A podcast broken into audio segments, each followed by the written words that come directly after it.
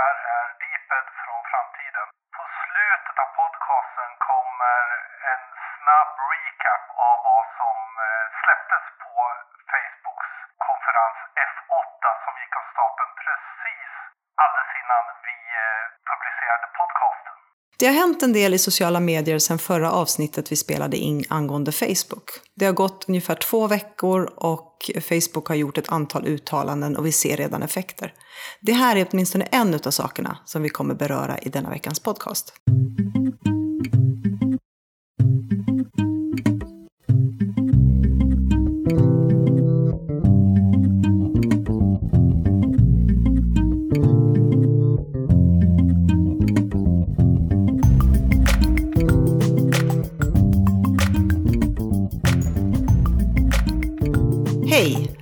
Är podcasten Social by Default och precis som alltid är det jag, Sara Larsson Bernhardt, som tillsammans med Deeped Niklas Strand driver den här podcasten.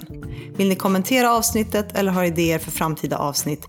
Twittra till oss med hashtaggen Social by Default eller prata med oss på vår Facebook-sida.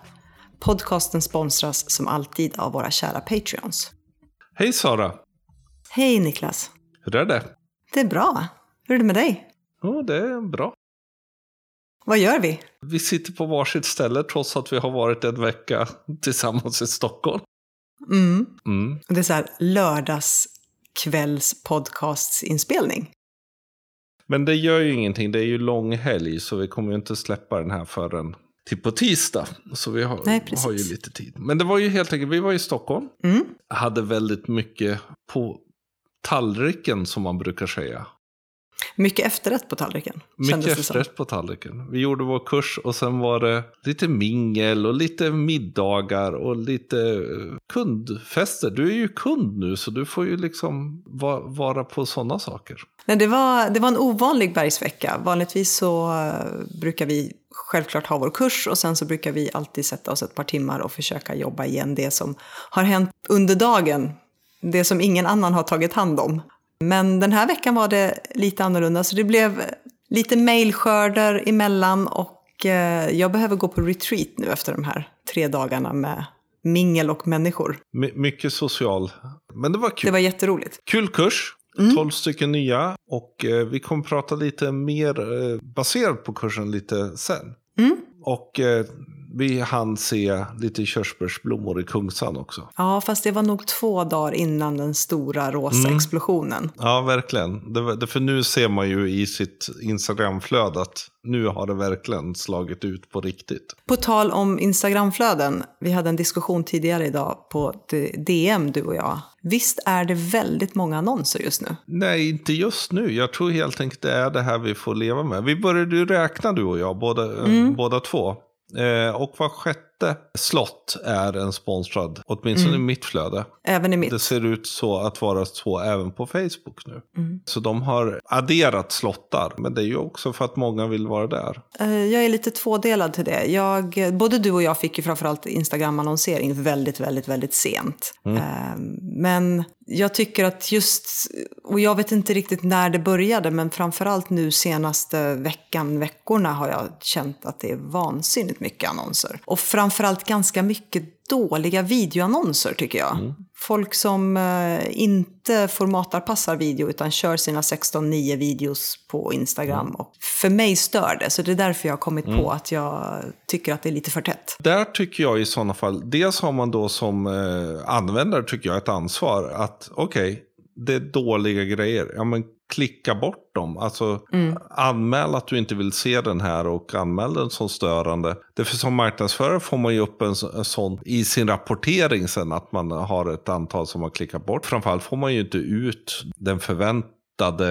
eh, genomslaget. Men också som marknadsförare behöver ju då fundera, men är det gjort för så att man inte bara antingen av okunskap eller av ren slöhet bara lägger in Instagram också när man köper sin Facebook-annons. För jag tror många av de felaktiga annonserna beror på att Instagram är, default. isatt i de, som default. Eh, så jag menar återigen, otroligt viktigt att veta vad man faktiskt gör när man köper sina grejer. Och Instagram har ju kommit med en ny utrullning som vi också kommer ta upp lite senare. Vi spelade in ett avsnitt, det senaste avsnittet när vi pratade väldigt mycket om Facebook och om Cambridge Analytica. Och nu har det ju ändå trots allt gått två veckor sedan eh, vi spelade in och Mark Zuckerberg har suttit i förhör med senaten. Du hade en fantastisk t-shirt på dig igår. Ja, och du har snart att ta på dig din. Mm. Vi kunde inte låta bli utan köpa Senator We Run Ads t-shirtar såklart. Ja, han klarade sig ganska bra i senaten. Han hade tuffare eh, i representanthusets utfrågning. Mm. Det som också då händer är ju att eh, Facebook är ju kallad till en massa olika förhör i massa olika länder. Och det här kommer ju inte ta slut. Men det är ju också någonstans, det här har ju blivit politik. Att en hel del politiker har insett att man kan, vad ska man säga, använda Facebook för att liksom visa sig vara lite på när det gäller digitalisering och privacy och sådana saker. Så det här kommer ju inte ta slut. Nej, det gör det ju inte. Och vi märker ju redan hur den krisen har påverkat både Facebook och vissa företag och andra delar. Jag vet att vi bland annat vårt social media management system, och jag tror att jag nämnde det senast i podcasten också, vi har fått lov att inte lägga till nya användare och så. Återautentisera väldigt många av våra sidor just för att vara säkra på att de här kopplingarna är korrekta och att det inte ligger felaktiga administratörer och sånt mm. kopplade till sidorna. Vad har hänt då? Hela den här Delete Facebook eh, tyckte ju alla var en otäck sak. Ja, och vi har ju haft några vänner som eh, nu inte längre kommer synas i våra flöden eftersom de har beslutat sig att sluta med Facebook. Det har väl inte varit sådär jättemånga företag. Det största eller mest omtalade företaget som vi har sett handlar ju om den här pubkedjan G-Day Weatherspoon som nu har beslutat sig att plocka bort allt vad sociala medier heter. Det vill säga både Twitterkonton men framförallt Facebookkonton och Instagramkonton. Och det kan ju vara en, eh, kan väl tyckas vara en radikal eh, sak att göra.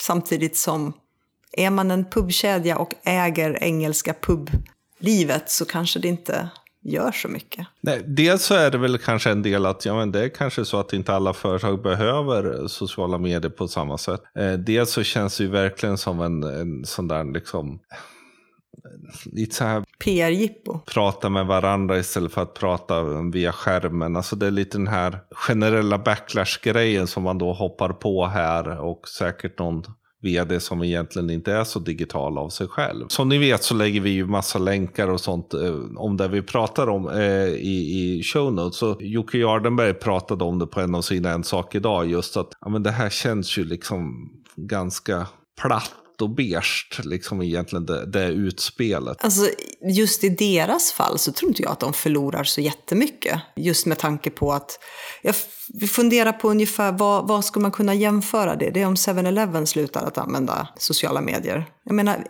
är du ett företag som finns precis överallt och du egentligen inte har något supersyfte med att vara där. Jag menar, de kanske inte behöver bygga varumärke, de kanske inte behöver bygga arbetsgivarvarumärke, de säljer öl och fish and chips så de kanske inte heller behöver liksom prata om sina erbjudanden eller ha dialog med sina kunder för det hör de över disk. Då kanske det inte är ett sånt stort tapp. Nej, den, den enda grejen är ju när de eh, behöver skaffa sig nya anställda. Mm.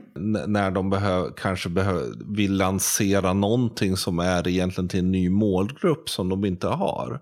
Då plötsligt har de ju inte tillgången till de, de vanligaste kanalerna som ändå man behöver använda. Så självklart, i, i, det, i vardagen finns nog säkert en hel del eh, företag som kanske inte behöver det. Men den gång man faktiskt ska göra någonting annat så börjar ju det ändå vara så att eh, sociala medier är en ganska viktig kanal för att ompositionera, hitta nya positioner, hitta nya målgrupper. Det här tycker jag är ganska intressant också, för jag vet att vi var med i en diskussion på LinkedIn där man ifrågasatte business-to-business-företagens närvaro i sociala medier, om det behövdes. Och jag har extremt svårt att se varför inte business-to-business-företagen skulle ha minst lika stor, om inte större, användning faktiskt för en sociala medier-närvaro än många konsumentföretag. Men det där, det där bygger ju mer, om, om jag får vara sådär lite krass som jag kan vara, det där är ju bara plain ignorance. Därför tittar man på alla undersökningar så är det ju inom business to business som både sociala medier och digitalt är otroligt viktigt. Mm. Hela social selling-delen är så väldigt, väldigt stor och företagen säger att ja, men vi använder det här väldigt, väldigt mycket. Det skulle vara kul att kunna liksom AB-testa en sån här grej. Liksom, vad, vad, skulle hända om man inte var där och vad skulle hända om man faktiskt satsade ordentligt? Men med tanke på de stora business-to-business-företagen som vi faktiskt under flera år, både du och jag, har följt, har en oerhört strukturerad och strategisk närvaro. Så...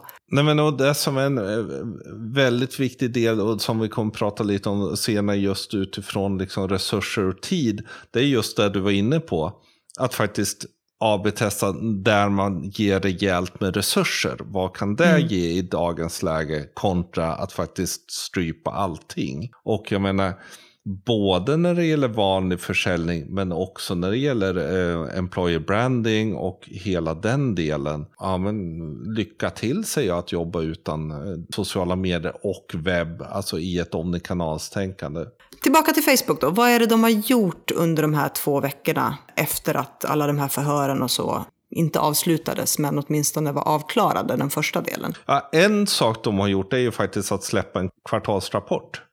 Mm. Aktien sjönk ju oerhört mycket och de förlorade liksom miljarder i samband med den här skandalen. Men den har ju återtagit sig ganska bra när de slänger fram en kvartalsrapport som visar att annonseringen har ökat på ett år med över 60 procent. Så de är uppe mm. liksom i otroligt stora annonseringsmängder. Antalet an, dagliga användare har över året ökat till 1,4 miljarder. Det är en ökning med 11 procent, vilket hela den här flaggningen att användningen skulle gå ner. Gå ner stämmer inte, men däremot är det, den, det är ju inte en jätteökning och ökning, alltså användningen i USA eller i de gamla Facebook-länderna, den har ju liksom, går ju går ju inte uppåt. Man har ju nått något sorts tak. Men generellt så ökar den. Eh, och det går ganska bra för Facebook fortfarande. Självklart så kommer nästa kvartal bli det som är det intressanta eftersom mm. skandalen är. Men ja, den här stora nedgången skulle även visat sig här om den fanns. Någonting som jag tycker jag har upptäckt utifrån den här skandalen är ju just att Facebook har ju alltid varit väldigt transparenta med sina regler, vad de samlar ihop, vad, vad det vi tillåter ska visas för andra och så här. Men de senaste tiden har man fått upp då tycker jag, i mitt flöde ganska mycket sådana här, nu ska du gå igenom dina säkerhetsinställningar, det här är det vi samlar in, det här är appar som du har godkänt ska titta på dina flöden och du kan avpublicera appar som du inte använder längre och så. Och det, det tror jag är en, en tydlig markering från deras sida att faktiskt visa att vi är på användarens sida. Vi gör ingenting som ni ska känna är otillåtet eller otryggt. Vi vill att ni ska vara kvar här och att det ska vara en trygg plats att faktiskt vara social på och dela med sig med, av sitt liv med sina vänner och de företag och så man följer. Det som de har varit dåliga med, och så techbolag ju det är ju ett techbolag som nu har blivit världens största, jättestort. I, eh, sådär. De är ju dåliga på att kommunicera, men allt har ju funnits. De har ju varit otroligt transparenta genom åren. Mm. Du har verkligen kunnat ta reda på allting om du har undrat över det, men de har inte berättat och visat det så markant. Men nu har man ju börjat, varje dag är det nya saker som kommer. Det hänger ju självklart också ihop med GDPR, men under alla år så har varje ny regeländring har ju legat ute i flera veckor för att folk ska kunna crowdsourca den. Och så mm. har det varit i alla år när det gäller olika regeländringar. Men ingen jäkel har brytt sig om det. Ja, men vem, vem har egentligen läst igenom användarregler? Det är väl en av de där boxarna man kryssar i fort som sjutton och så godkänn och sen så är man nöjd och glad. Mm. Men det de gör nu är ju, är ju att faktiskt vi, dels den här visa vilka som har använt ens mailadress. Mm. Det är ju en sån där i den här customer audience-delen. Och den är ganska intressant att se det, för där inser man att ens mailadress säljs till både var och en, inte av Facebook, men av andra.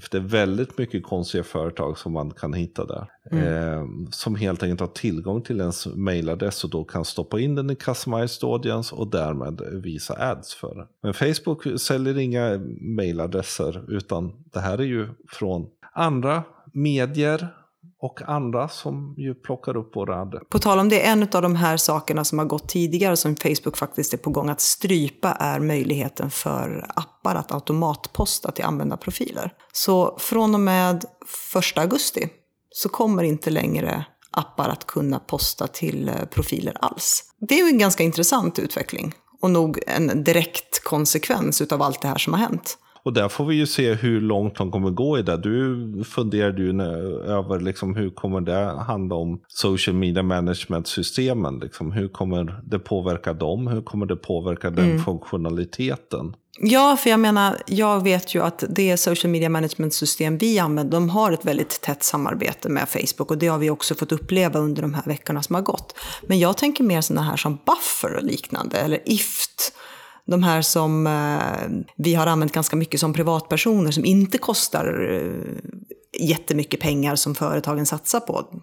De tror jag kommer få svårare. Ja, delvis. Samtidigt så är ju det här API så bestämmer Facebook sig för att stänga igen API för automatpostningar så att det påverkar IFT så kommer det påverka social media management-systemen också. Och då får de ju hitta någon sorts uh, workaround eller någonting runt mm. det här. Så det blir intressant uh, att se hur långt de kommer gå på det här. Därför det är ju automatpostningar även om du så att säga har begärt den. Mm. När du schemalägger en, en Facebook-postning i, i så är det ju en sorts automatpostning. Sen är frågan om de kan hitta nivåer på det här. För det här är ju framför allt att komma åt de rena dupliceringspostningarna och mm. sådana saker. Och där har de redan eh, dragit åt. För jag menar, nu kan vi inte längre posta en och samma tweets till flera konton. Vi kan inte uppladda ut eller posta en och samma bild till flera Instagram-konton, utan vi måste göra en publicering i taget. Mm. Så jag menar, där ser vi redan eh, konsekvenser. Men jag tror framförallt att skulle de strypa möjligheten för social media management-system att automatposta eller att posta till eh, Facebook och Instagram och liknande, då skulle de skjuta sig själva i foten. För samtidigt så har de byggt ett backend idag, som det ser ut idag, bara Facebook, men vi vet inte vad de har bakom att det rullar ut nu, till exempel nästa vecka när, när det här kommer under F8, alltså deras eh, utvecklarkonferens. Det kan hända att de helt enkelt rullar ut ett social media management backend byggt i Facebook men som kommer, du kommer kunna hantera framförallt Instagram också på ett bättre sätt. Då kan ju de säga ja, det här är det vi erbjuder eh, er och helt enkelt slå undan benen för faktiskt alla tredjeparts social media management system som finns. Ja, fast det där har jag jättesvårt att, att tro att de gör. Som företag så sitter du samtidigt i rävsaxen. Ja, men ska du säga, ja, men fuck you, då använder vi bara Twitter och LinkedIn. Det kommer du ju inte heller göra. Alltså i det här fallet har ju Facebook en oerhörd makt att styra in oss in i olika system. Ja, men med tanke på så många företag som faktiskt har en, en bra närvaro där man behöver ha ett antal olika vyer för marknader och språkanpassningar och eh, kunna lägga upp innehåll som olika vyer. Alltså, visst, de kanske bygger ett social media management system, men jag tror fortfarande att Nej, jag har jättesvårt att se att de skulle kunna göra en sån grej. Inte att de inte kan göra det rent tekniskt, men att de skulle kunna sätta käppar i hjulet för alla företag som egentligen har närvaro. Framförallt de större företagen som kanske också är de som annonserar eh, mest. Jo, men Facebook kan ju faktiskt bygga ännu bättre system för alla de här vyerna som då ligger i Facebook. I deras CMS. De kan ju utöka sitt CMS-system också till fler och fler. Jag tror vi kommer se en hel del förändringar där och jag tror tyvärr att en hel del av tredjeparterna kommer få det riktigt svettigt efter nästa vecka det för, för Facebook, så, alltså hela business management-systemet är ett oerhört bra när man börjar rota sig in i det. Och börjar de bygga vidare på det systemet, kan de erbjuda ett bättre system, så varför skulle någon bestämma sig för att vara kvar i ett sämre? Om det nu nödvändigtvis är sämre.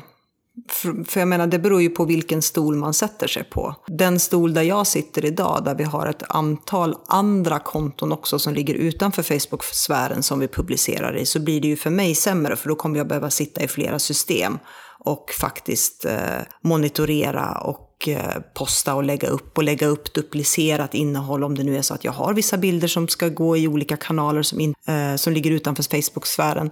Så utifrån den stol jag sitter på, skulle de göra så så skulle de komplicera livet för mig och många i samma situation avsevärt. Mm. Men skulle du sluta posta på Facebook? Jag skulle nog fundera på hur jag skulle kunna lösa det på ett bättre sätt. För jag menar, allting handlar om strukturer, allting handlar om att spara in tid, allting handlar om att eh, få så enkel överblick som möjligt. Och då skulle det komplicera saker ordentligt. Mm. Tycker jag.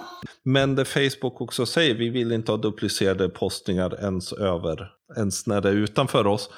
Och samtidigt så är ju det här också en del av att stänga av möjligheterna till dataläckor. Ja, om, om jag ska liksom bryta ut det du säger i två delar. Ja, men duplicerade postningar handlar ju nödvändigtvis inte om att det är ordagrant duplicerat innehåll i content. Men det kan vara att du använder samma bild, det kanske är så att du har en kampanj där du har en video som ska kunna finnas, men att du skriver olika, det är olika tider, det kan vara olika språk och så.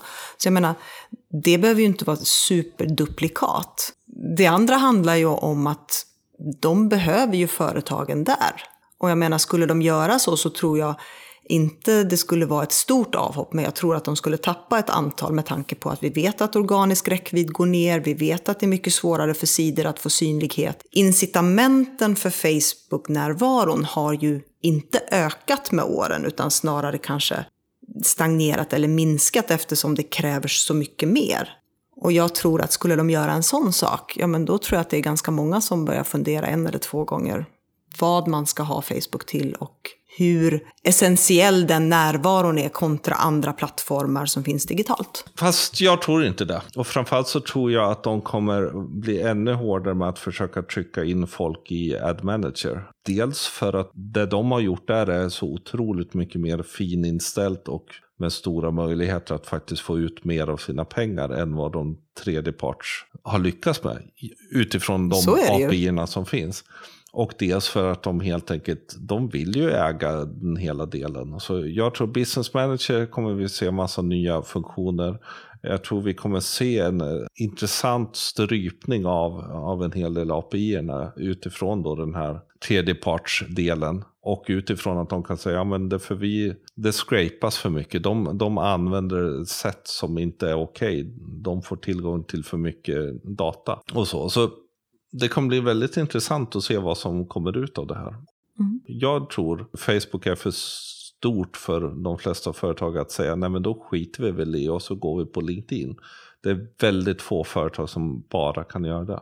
Jo, men det håller jag med om. Det som också vi har sett då är dels att de har släppt de här interna riktlinjerna. Alltså vi har ju vetat ungefär vad de har tittat på när de har så att säga modererat och vad de mm. har gått på. Det de nu har släppt är då community standards, de interna, det som då de här moderatorerna arbetar utifrån. Och det är väldigt intressant eh, läsning på så sätt att det är otroligt ingående vad de skriver och hur de försöker förklara den här balansgången mellan yttrandefrihet och faktiskt att liksom ta bort saker. Mm. Samtidigt kan man fundera varför de inte tar bort fler saker och samtidigt kan man då förstå varför de hellre friar än fäller. Ja, för där sitter de ju också i en jättestor maktposition. Och jag menar, skulle de börja censurera hit och dit, ja men då, då är de ute på väldigt djupt vatten. Och eh, det är bra att de släpper upp det här, att man kan mm. läsa och man kan titta på den transparens de har. Eh, för att också faktiskt få en bättre förståelse för hur de agerar och varför de agerar som de gör. Och de här lägger vi också självklart i våra show notes. Mm. Så är ni nyfikna så läs dem. Det börjar ju bli slutet av april. På tisdag är det första maj. Och i maj så kommer en lag träda i kraft som också kommer påverka, eller har påverkat, väldigt mycket av det vi gör i sociala medier. Och där har ju eh, många av oss undrat hur Facebook ska ställa sig. Jag menar, det är trots allt ett amerikanskt företag. Men GDPR gäller ju i Europa och väldigt många av oss använder Facebook, även bosatta i Europa. Och nu har de gjort ett uttalande och faktiskt skrivit, det finns en hel sektion där man kan läsa om hur de ställer sig till datainsamling och vem som är ansvarig för vad och vilken data. Just när det gäller utifrån ett GDPR-perspektiv. Den ni kanske hör i bakgrunden lite lätt från Sara, eh, Saras son som spelar Fortnite. Så är det här med åldersgränser också en del som GDPR påverkar? WhatsApp har gått ut och sagt att de kommer höja åldern på plattformen från 13 till 16 år. Eh, och det är ju ganska intressant för vi vet ju att WhatsApp, framförallt i Europa, eh, används av väldigt många unga. Det här handlar helt enkelt om att man inte får lov att samla in data egentligen eh, i, till minderåriga. Så nu höjer de åldern och hur man nu ska, för man, om man är användare, hur man nu ska få liksom verifiera att man då har rätt ålder inne, det vet vi inte riktigt. Men man kommer att få göra det i alla fall framöver. WhatsApp går först. Snapchat också kommer ändra vilken data de samlar in om användare som är mellan 13 och 16. Mm. Och samtidigt får vi då se, jag menar gissningsvis kommer eh, åldersgränserna höjas även på Facebook och Instagram och Twitter. Men hur gör man då som förälder? För jag menar, om, om jultomten var första lögnen som barnen fick liksom se igenom, så är ju hur gammal jag är i sociala nätverk är ju faktiskt för väldigt många den andra lögnen som barnen är medvetna om att man gör. För jag menar, ja. det har ju trots allt varit 13-årsgräns på väldigt många av de här nätverken. Mm. Och vi vet ju att man som förälder har väldigt svårt att eh, säga nej till sina barn när de vill ha Snapchat och Instagram när de är kanske 8, 9, 10 år. Och då måste man ju ljuga om åldern. Vad händer nu? För några år sedan, jag vet inte om du kommer ihåg det, så hade vi ju faktiskt att Instagram framför allt. Jag skulle precis ja, säga det. gjorde bort. ju en sån här och tog verkligen bort konton för det som de var, såg var uppenbart för unga användare. Mm. Det är väl i sådana fall där det kommer bli då, att det kommer ligga på eh, leverantörens Ja, men det skulle de aldrig våga. Ja, alltså för Snapchat är ju det här den stora, de, skulle, de kan ju inte göra det här. De dör ju då. ja, det gör de därför. För det som, det som framförallt då från GDPR och datainsamling som skulle gälla Snapchat var ju framförallt SnapMap.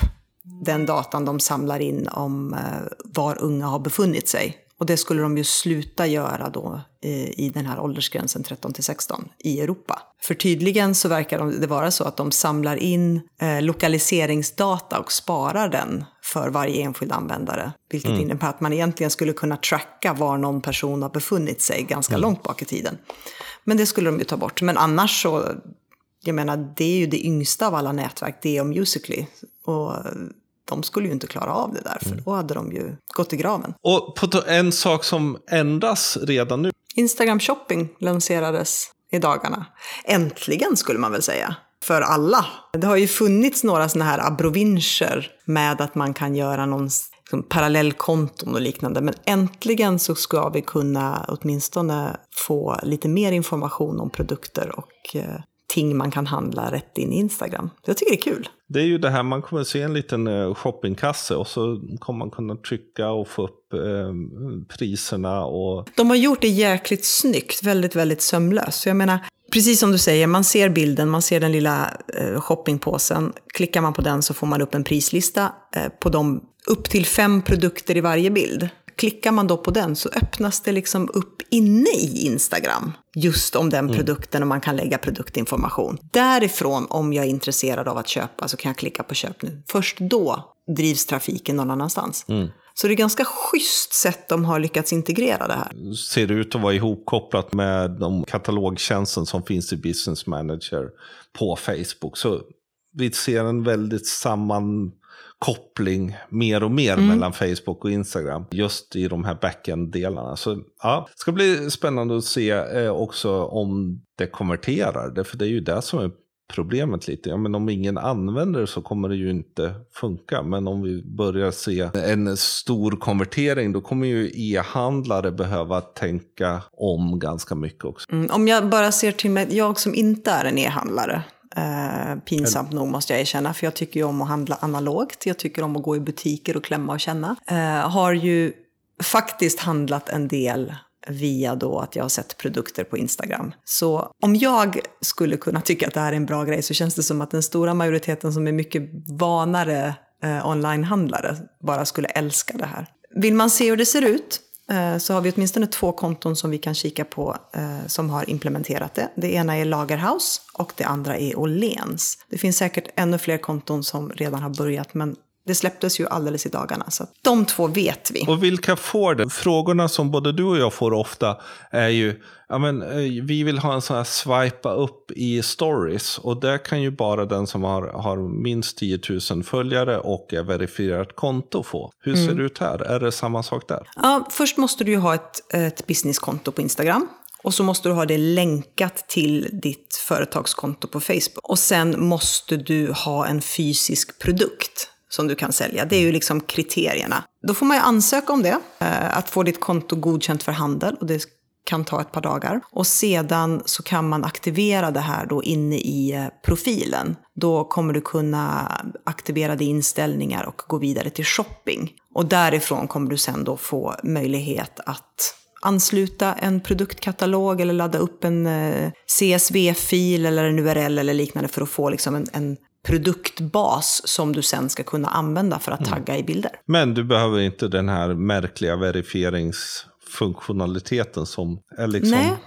Den är, den är ju lite lätt hemlighetsfull och mystisk på Instagram. Så det är ju bra. Därför då hade det ju blivit så här långsamt utrullning och därmed kanske helt enkelt att folk inte hade börjat använda det. Men allt det här känns ju verkligen mycket som att om, om vi tittar tillbaka några år så var det lite så här att ja, men det här med sociala medier det kan ju vem som helst göra. Och vi har haft en väldigt tid där man liksom, ja men vi anställer någon mm. ung som kan sköta våra sociala medier. Därför det är ju inte så, de vet ju hur man gör. Resurser kanske inte läggs till Tittar vi på egentligen vad som händer, att Facebook är till och med i kongressförhör, vi kan diskutera, men kan verkligen ett företag klara sig utan sociala medier? Så har ju det blivit otroligt mycket mer komplext. Det är ju en mm. sak som i våra kurser, nästan elever som kommer där som kanske eh, har jobbat lite lite med sociala medier men nu vill vi så här, blir in, får insikt om att det här är otroligt komplext. Sista dagen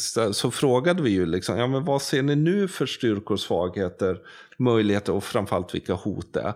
Och alla var ju så här, ja men problemen, svagheterna, det som kanske de hade mest ont i magen runt var ju någonstans vi har inte resurser. Nej, resursfrågan är väl oftast där som folk hickar till. För jag menar, nu ska jag inte säga att vi är som amerikanska armén, att vi liksom bryter ner våra kursdeltagare och chockar dem. Men oftast så känns det som att det är det här liksom första insikten de får att oj, är det verkligen så här komplext? Är det så mycket vi behöver tänka på och planera för att kunna liksom få en bra utväxling av vår sociala medienärvaro? Och en direkt konsekvens blir ju då att hur ska vi hinna det här? Jag är ju bara själv eller jag gör det här tillsammans med en kollega men vi har det här och det här och det här också på vårt bord. Och det är lite synd. För jag menar, som företag idag, om, eller organisation, ska du ha en bra sociala medier-närvaro så måste du kunna allokera resurser som faktiskt får tid och möjlighet att göra det arbete som krävs. Och där är ju en, en, en viktig sak att se, liksom, att ja, men det här är ju en ledningsfråga. Sociala medier kan inte bara vara någonting som man adderar lite här och var, utan det, det är ju en, en, sak som man måste ha in i hela kommunikationsmixen. Mm. Där är ju en av sakerna vi pratade om, är ju lite där du ibland sitter i kläm. Det här mellan kommunikation, marketing och sales, att eh, sociala medier handlar ju om båda två. Mm. Och vem är det då som äger kanalerna och vem man tillhör. Och det är ju liksom en fråga som alla verkligen har. Som är i en lite större eh, organisation. Att sociala medier, alla vill ju äga kanalen. Ja, och, och någonting som jag har insett mer och mer, jag menar, visst, både du och jag när vi var inne och hjälpte företag har hela tiden varit medvetna om resursfrågan, men när man sitter i det och jobbar i det hela tiden så inser man hur otroligt viktigt det blir med planering. Att planera både på lång sikt men framför allt ha en ganska realtidsplanering. Och någonting som jag tror man behöver försöka få in för att kunna underlätta för sig själv, det är att verkligen hitta en struktur i den, det innehåll man skapar och det innehåll man postar. Att faktiskt hitta ett antal dagar i veckan som har innehåll som man kan skapa i bulk. Och antingen göra det själv tillsammans med sitt team eller sina kollegor eller vem man nu eller vilka resurser man nu har. Och faktiskt fundera på, kan vi skapa innehåll inom ett visst tema som vi kan rulla i ett antal veckor? Så att vi inte behöver koncentrera oss på just den dagen, utan kan koncentrera oss på de dagarna som, som är tomma. Och där är just viktigt, för många tänker då, ja men vad skönt, då kör vi det här innehållet de här veckorna så behöver vi inte göra någonting under de veckorna mer än det. Och det är ju inte så det är tänkt, utan just som du säger, men en dag i veckan eller två dagar i veckan så finns det mm. innehåll som bara man kan liksom... Glömma bort, för det ligger ja, och rullar. Man bara behöver se till så att det liksom fungerar och faktiskt får lite så att det är någon som vill läsa det och engagera sig i det. Men, men det, för där har du, hade du en väldigt bra just att ja, men man behöver då börja titta vad har vi för tillgångar egentligen mm. i det här? Vad, vad, finns det för något vi kan återanvända? Och, och, alltså, och tillgångar har man, bara man vet ungefär var man ska leta. Och det kan vara en sån enkel sak som att man har en kundtidning som har funnits länge och kanske har den som pdf-er. Fundera på då gå igenom och titta, finns det innehåll här som vi kan skapa? Det är ju redan gjort. Det handlar ju bara om att packa om det, kanske fundera på om man behöver skriva om det ett vi och ett oss-perspektiv. Och sen helt enkelt schemalägga det framöver. Alternativt om man har ett kartotek av gamla bilder så man kan skapa en historia.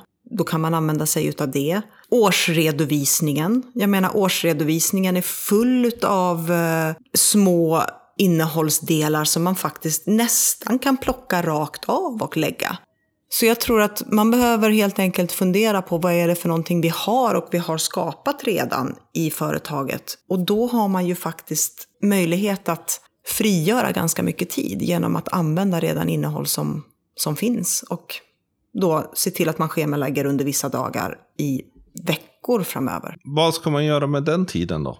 Som man frigör. Då ska man koncentrera sig på det andra innehållet som man måste göra. Det, och det har ju du och jag pratat om ganska länge. Men just det här som vi inser är att vi behöver ju göra mycket mer innehåll än vad vi tror. Vi måste publicera oftare än vad vi tror och vi måste öka kvaliteten på innehållet. Och om man då har möjlighet att frigöra tid så har man ju faktiskt en stor chans att kunna koncentrera sig och göra väldigt bra innehåll eh, de dagar man då inte har fyllt. När ska man använda byrå då? Hur ska man, hur ska man förhålla sig? För när jag började, när jag, jag och till exempel Britt var ute och även du och jag har, har varit väldigt starka på att man ska göra så mycket som möjligt själv. själv. Därför man faktiskt mm. äger sitt varumärke. Och vi har ju pratat mycket om det, liksom att det är självklart svårt för en byrå att bli den här som verkligen lever och andas varumärket. För man behöver då leva och andas väldigt många varumärken. Men, men hur ska man tänka ändå här? Därför, lite som du är inne på, ja, men man hinner ju inte och man behöver ju antagligen liksom någon som då hjälper en med något av det här.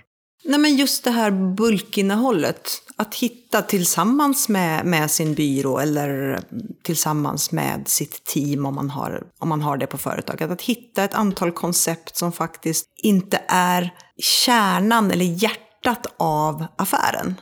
Nej, men just saker som du faktiskt har råd att kunna lägga ut och skapa ett antal uppdateringar i taget. För jag menar, vi, vi vet ju att vi behöver jobba med en ganska bred innehållsflora och bland annat i det så är det ju lättsamt klickbart innehåll som behöver jobba med algoritmerna. Det här är ett typiskt innehåll som man faktiskt kan lägga ut på en byrå. Det för ofta är ju byrån kanske mer kreativt och lite, kan, kan dra det lite längre och mm. våga komma med saker som man internt liksom inte ser eftersom man är just intern. Eller är det så att du har en årsredovisning, du kanske ska sätta den i handen på byrån och säga att vi behöver utifrån den här 15-20 olika postningar, men det behöver skrivas om utifrån ett sociala medieperspektiv. Och även då hitta kanske de bitar som man skulle behöva göra infografs av och sådana saker. Mm. För årsredovisningen kan ju vara en otroligt tråkig läsning, men det finns ju otroligt mycket material där som man kan göra någonting av. Och det, för det är ju lite att kan man hitta hitta, jag tror byråer egentligen är eh, allra bäst om man låter dem ta hand om det som inte är tidskritiskt. Nej, precis. Eh, och, och, på så sätt liksom bygga den och så komma tillbaka med det. För då får man använda sin kreativitet och man får så. Medan väldigt mycket av det tidskritiska antagligen behöver man se till att det finns resurser internt för att jobba med. Och mm. där ser vi ju att väldigt många generellt större och större inhousebyråer. Men just med sociala medier blir det ju otroligt viktigt att ändå inte då säga, ja men vi har ju byråerna så vi behöver inte så mycket interna resurser. Vi kommer behöva väldigt mycket mer interna resurser. Men de kommer jobba med vissa saker eh, och så får man ha byråsamarbete med andra saker. Och, och sen är det ju en sak som är jätteviktig att inse att man kan inte, om man, om man sitter och känner att man behöver steppa upp sin sociala medienärvaro så kan man inte göra allting på en gång. Utan man behöver koncentrera sig på en kanal i taget och optimera den kanalen. Och när den kanalen rullar, ja men då kan man ta nästa kanal. För annars så kommer man stressa ihjäl sig. Så tänker jag i alla fall. Ja, åtminstone om man, är, man bara är själv och har väldigt många saker på tallriken. Du och jag har ju träffat, genom åren har ju träffat väldigt många företag och väldigt många social media managers. Och de företag som har haft den absolut bästa närvaron, där man utifrån kanske har trott att det har varit jättestora team eller haft mycket resurser, de har inte varit så många. Men de har haft en jäkla bra struktur på sitt innehåll och en jäkla bra planering framåt. Och det är egentligen det som krävs. Och gjort väldigt mycket av det. Att man har förstått liksom att väldigt mycket av det som inte är tidskritiskt eller som är mer konceptuellt. Ja men det har de haft byråer som har gjort. Och så har de själva sett till att jobba internt med att få in väldigt bra mm. innehåll. Mm. Men de har samtidigt inte varit en person som ska göra allting. Därför det, det är ju någonstans där det liksom blir så att man tillsätter en person som i bästa fall får jobba heltid med det. Men inte sällan så bara får jobba med det hälften eller sådär. Och då blir det otroligt svårt att hinna med tänka, att hinna, hinna tänka mm. framåt, att hinna göra planeringen. Därför planering tar tid. Man behöver ofta planera in tid för att planera. Och sen kanske det är så eh, att de personer som, som sitter som social media manager kanske i första hand är folk som älskar färg och form och kreativitet och kommunikation. Mm. Kanske inte tycker att planering är det allra roligaste som står överst på intresselistan. Nej.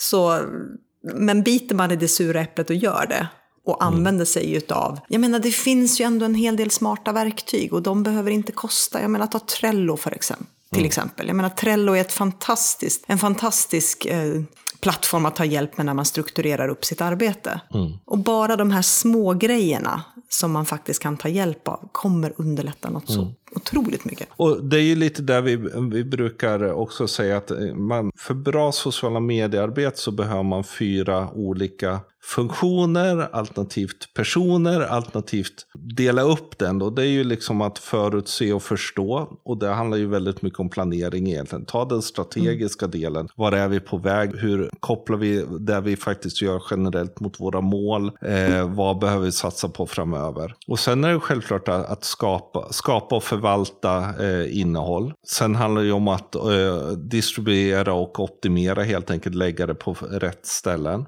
Och sen också community, att liksom prata med folk och hantera folk. Och där är det ju kanske så att jag menar skapandet och förvaltandet kanske inte är det som den, så att säga, den som då har ansvar för sociala medier ska göra primärt. Men det är andra som ska göra medan den framför allt ska vara den som då sitter på planeringen och kanske är dels förutse och förstå men också kanske optimera och distribuera. Att helt enkelt vara den som ser till att det här fungerar och se till att förstå rapporterna. Säga till att nu måste vi faktiskt tänka nytt och tänka en ny målgrupp här och sån sak. Och det där är ju svårt, för att hitta en sån kan nog vara svårt många gånger. Att hitta Hitta alla de kvaliteterna i en och samma personlighet. Ja, det kan vara lite knepigt.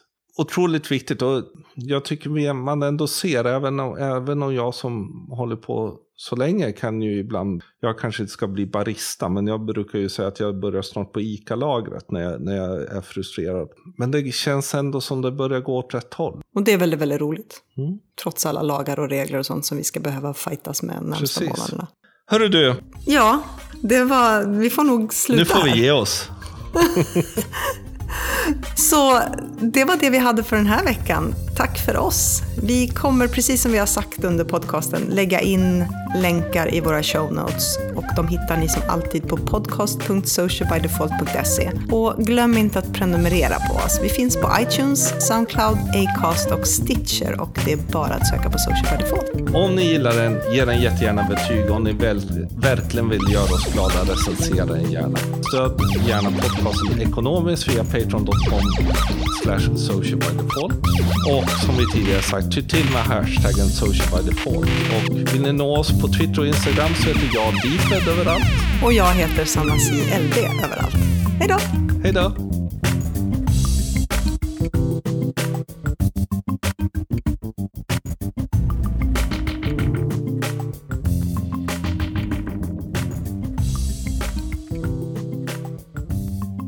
Du fastnade på slutet. Eftersom eh, vi helt enkelt inte hann få ut podcasten innan F8 var över så tänker vi att vi gör en väldigt snabb genomgång av vad som faktiskt sades under eh, konferensen. Den stora saken som Zuckerberg redan innan sitt keynote eh, släppte upp var att de kommer göra någonting som heter Clear History. Det innebär att de webbsidor och appar som så att säga sänder Facebook-information och data kommer man kunna se vilka som gör det, ta bort den datan, i princip göra sig osynlig i alla de här kopplingarna och framförallt ta också bort möjligheten att det används och, sparas. Det här är ju en ganska stor sak som helt enkelt Mark Zuckerberg valde att gå ut med innan och helt enkelt en av deras huvudpunkter för att hantera Cambridge Analytica-skandalen. Otroligt intressant, otroligt genomgripande sätt att helt enkelt hantera det här. Och de visar, tycker åtminstone jag, att man faktiskt menar allvar med att man ser att man har gjort fel och nu tänker försöka lösa det så bra man kan. Det de också släpper upp är just att de kommer jobba oerhört mycket hårdare mot fake news, fake profiler och sådana saker. Helt enkelt i, i keynoten så erkänner han att de var sena på hela den ryska inblandningen i valet. Ja, det är ganska många pudlar som kommer och där de helt enkelt kommer göra oerhört mycket att slå ner på dels spam, dels då fejkade identiteter och fake news. Det här är ju framför allt intressant, återigen, det som vi sa förra podcasten, just att för många företag och inte minst kommuner som använder faktiskt fejkade identiteter för att logga in på Facebook så är det här helt klart dags att börja tänka om. Det, för det här kan eh, innebära att man förlorar sina eh, Facebook-sidor. Det var nog de största viktiga sakerna just runt det här och det intressanta var ju att eh, sidan faktiskt gick ner eftersom det var så pass många som ville höra vad som hände. Det kommer massor med analyser eh, nu under ja, natten för oss då, men under dagen eh, i USA. Väl värt att läsa. Vi lägger ut några eh, ytterligare i eh, show notes såklart. Men det viktiga är ju någonstans att det här är en utvecklarkonferens och de släppte ju väldigt, väldigt mycket annat nytt. Och lite snabbt så kan man se då att videosamtal, alltså att kunna prata över video, kommer till Instagram och gruppvideosamtal kommer komma till WhatsApp. De här utvecklas nu ytterligare till att bli vad vi kallar schweiziska fällknivar i sociala medier. Oculus Go kommer. Det är ju deras billiga VR-headset som inte behöver en telefon eller en dator utan är standalone. Det kommer att kosta 199 dollar, gissningsvis runt 2 3000 kronor i Sverige när det kommer släpps i 23 länder. Det här med VR hänger ju också sen ihop med AR. AR släpps väldigt mycket där. Instagram kommer få AR-filter, precis motsvarande Snapchats filter, men också Facebook Stories och Facebook Messenger kommer då företag kunna addera AR-funktionalitet. Till exempel Nike kan visa då sin sko i där du är och eh, snurra runt det och sådana saker. Det som också händer är är att Facebook ser att Messenger har blivit väldigt rörigt.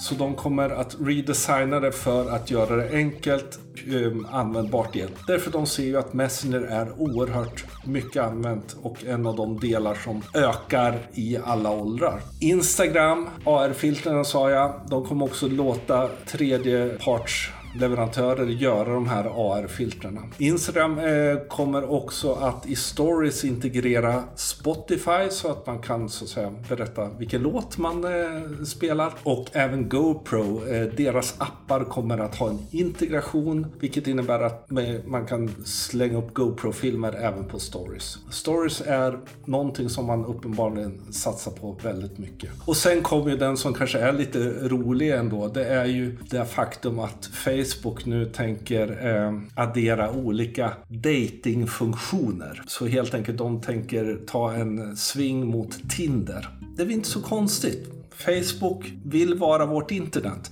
De har Workplace eh, som många mer och mer börjar använda. De har börjat addera olika delar när det gäller HR och eh, rekrytering. Dating är också en del av vår vardag. Det är klart att de vill försöka integrera det också. Så en hel del nytt. Vi lägger lite länkar. Eh, tack för att du lyssnade. Prata gärna med oss. Som vi sa, hashtag social by default eller at deeped eller at sanaclb. You know, överallt. Hej då!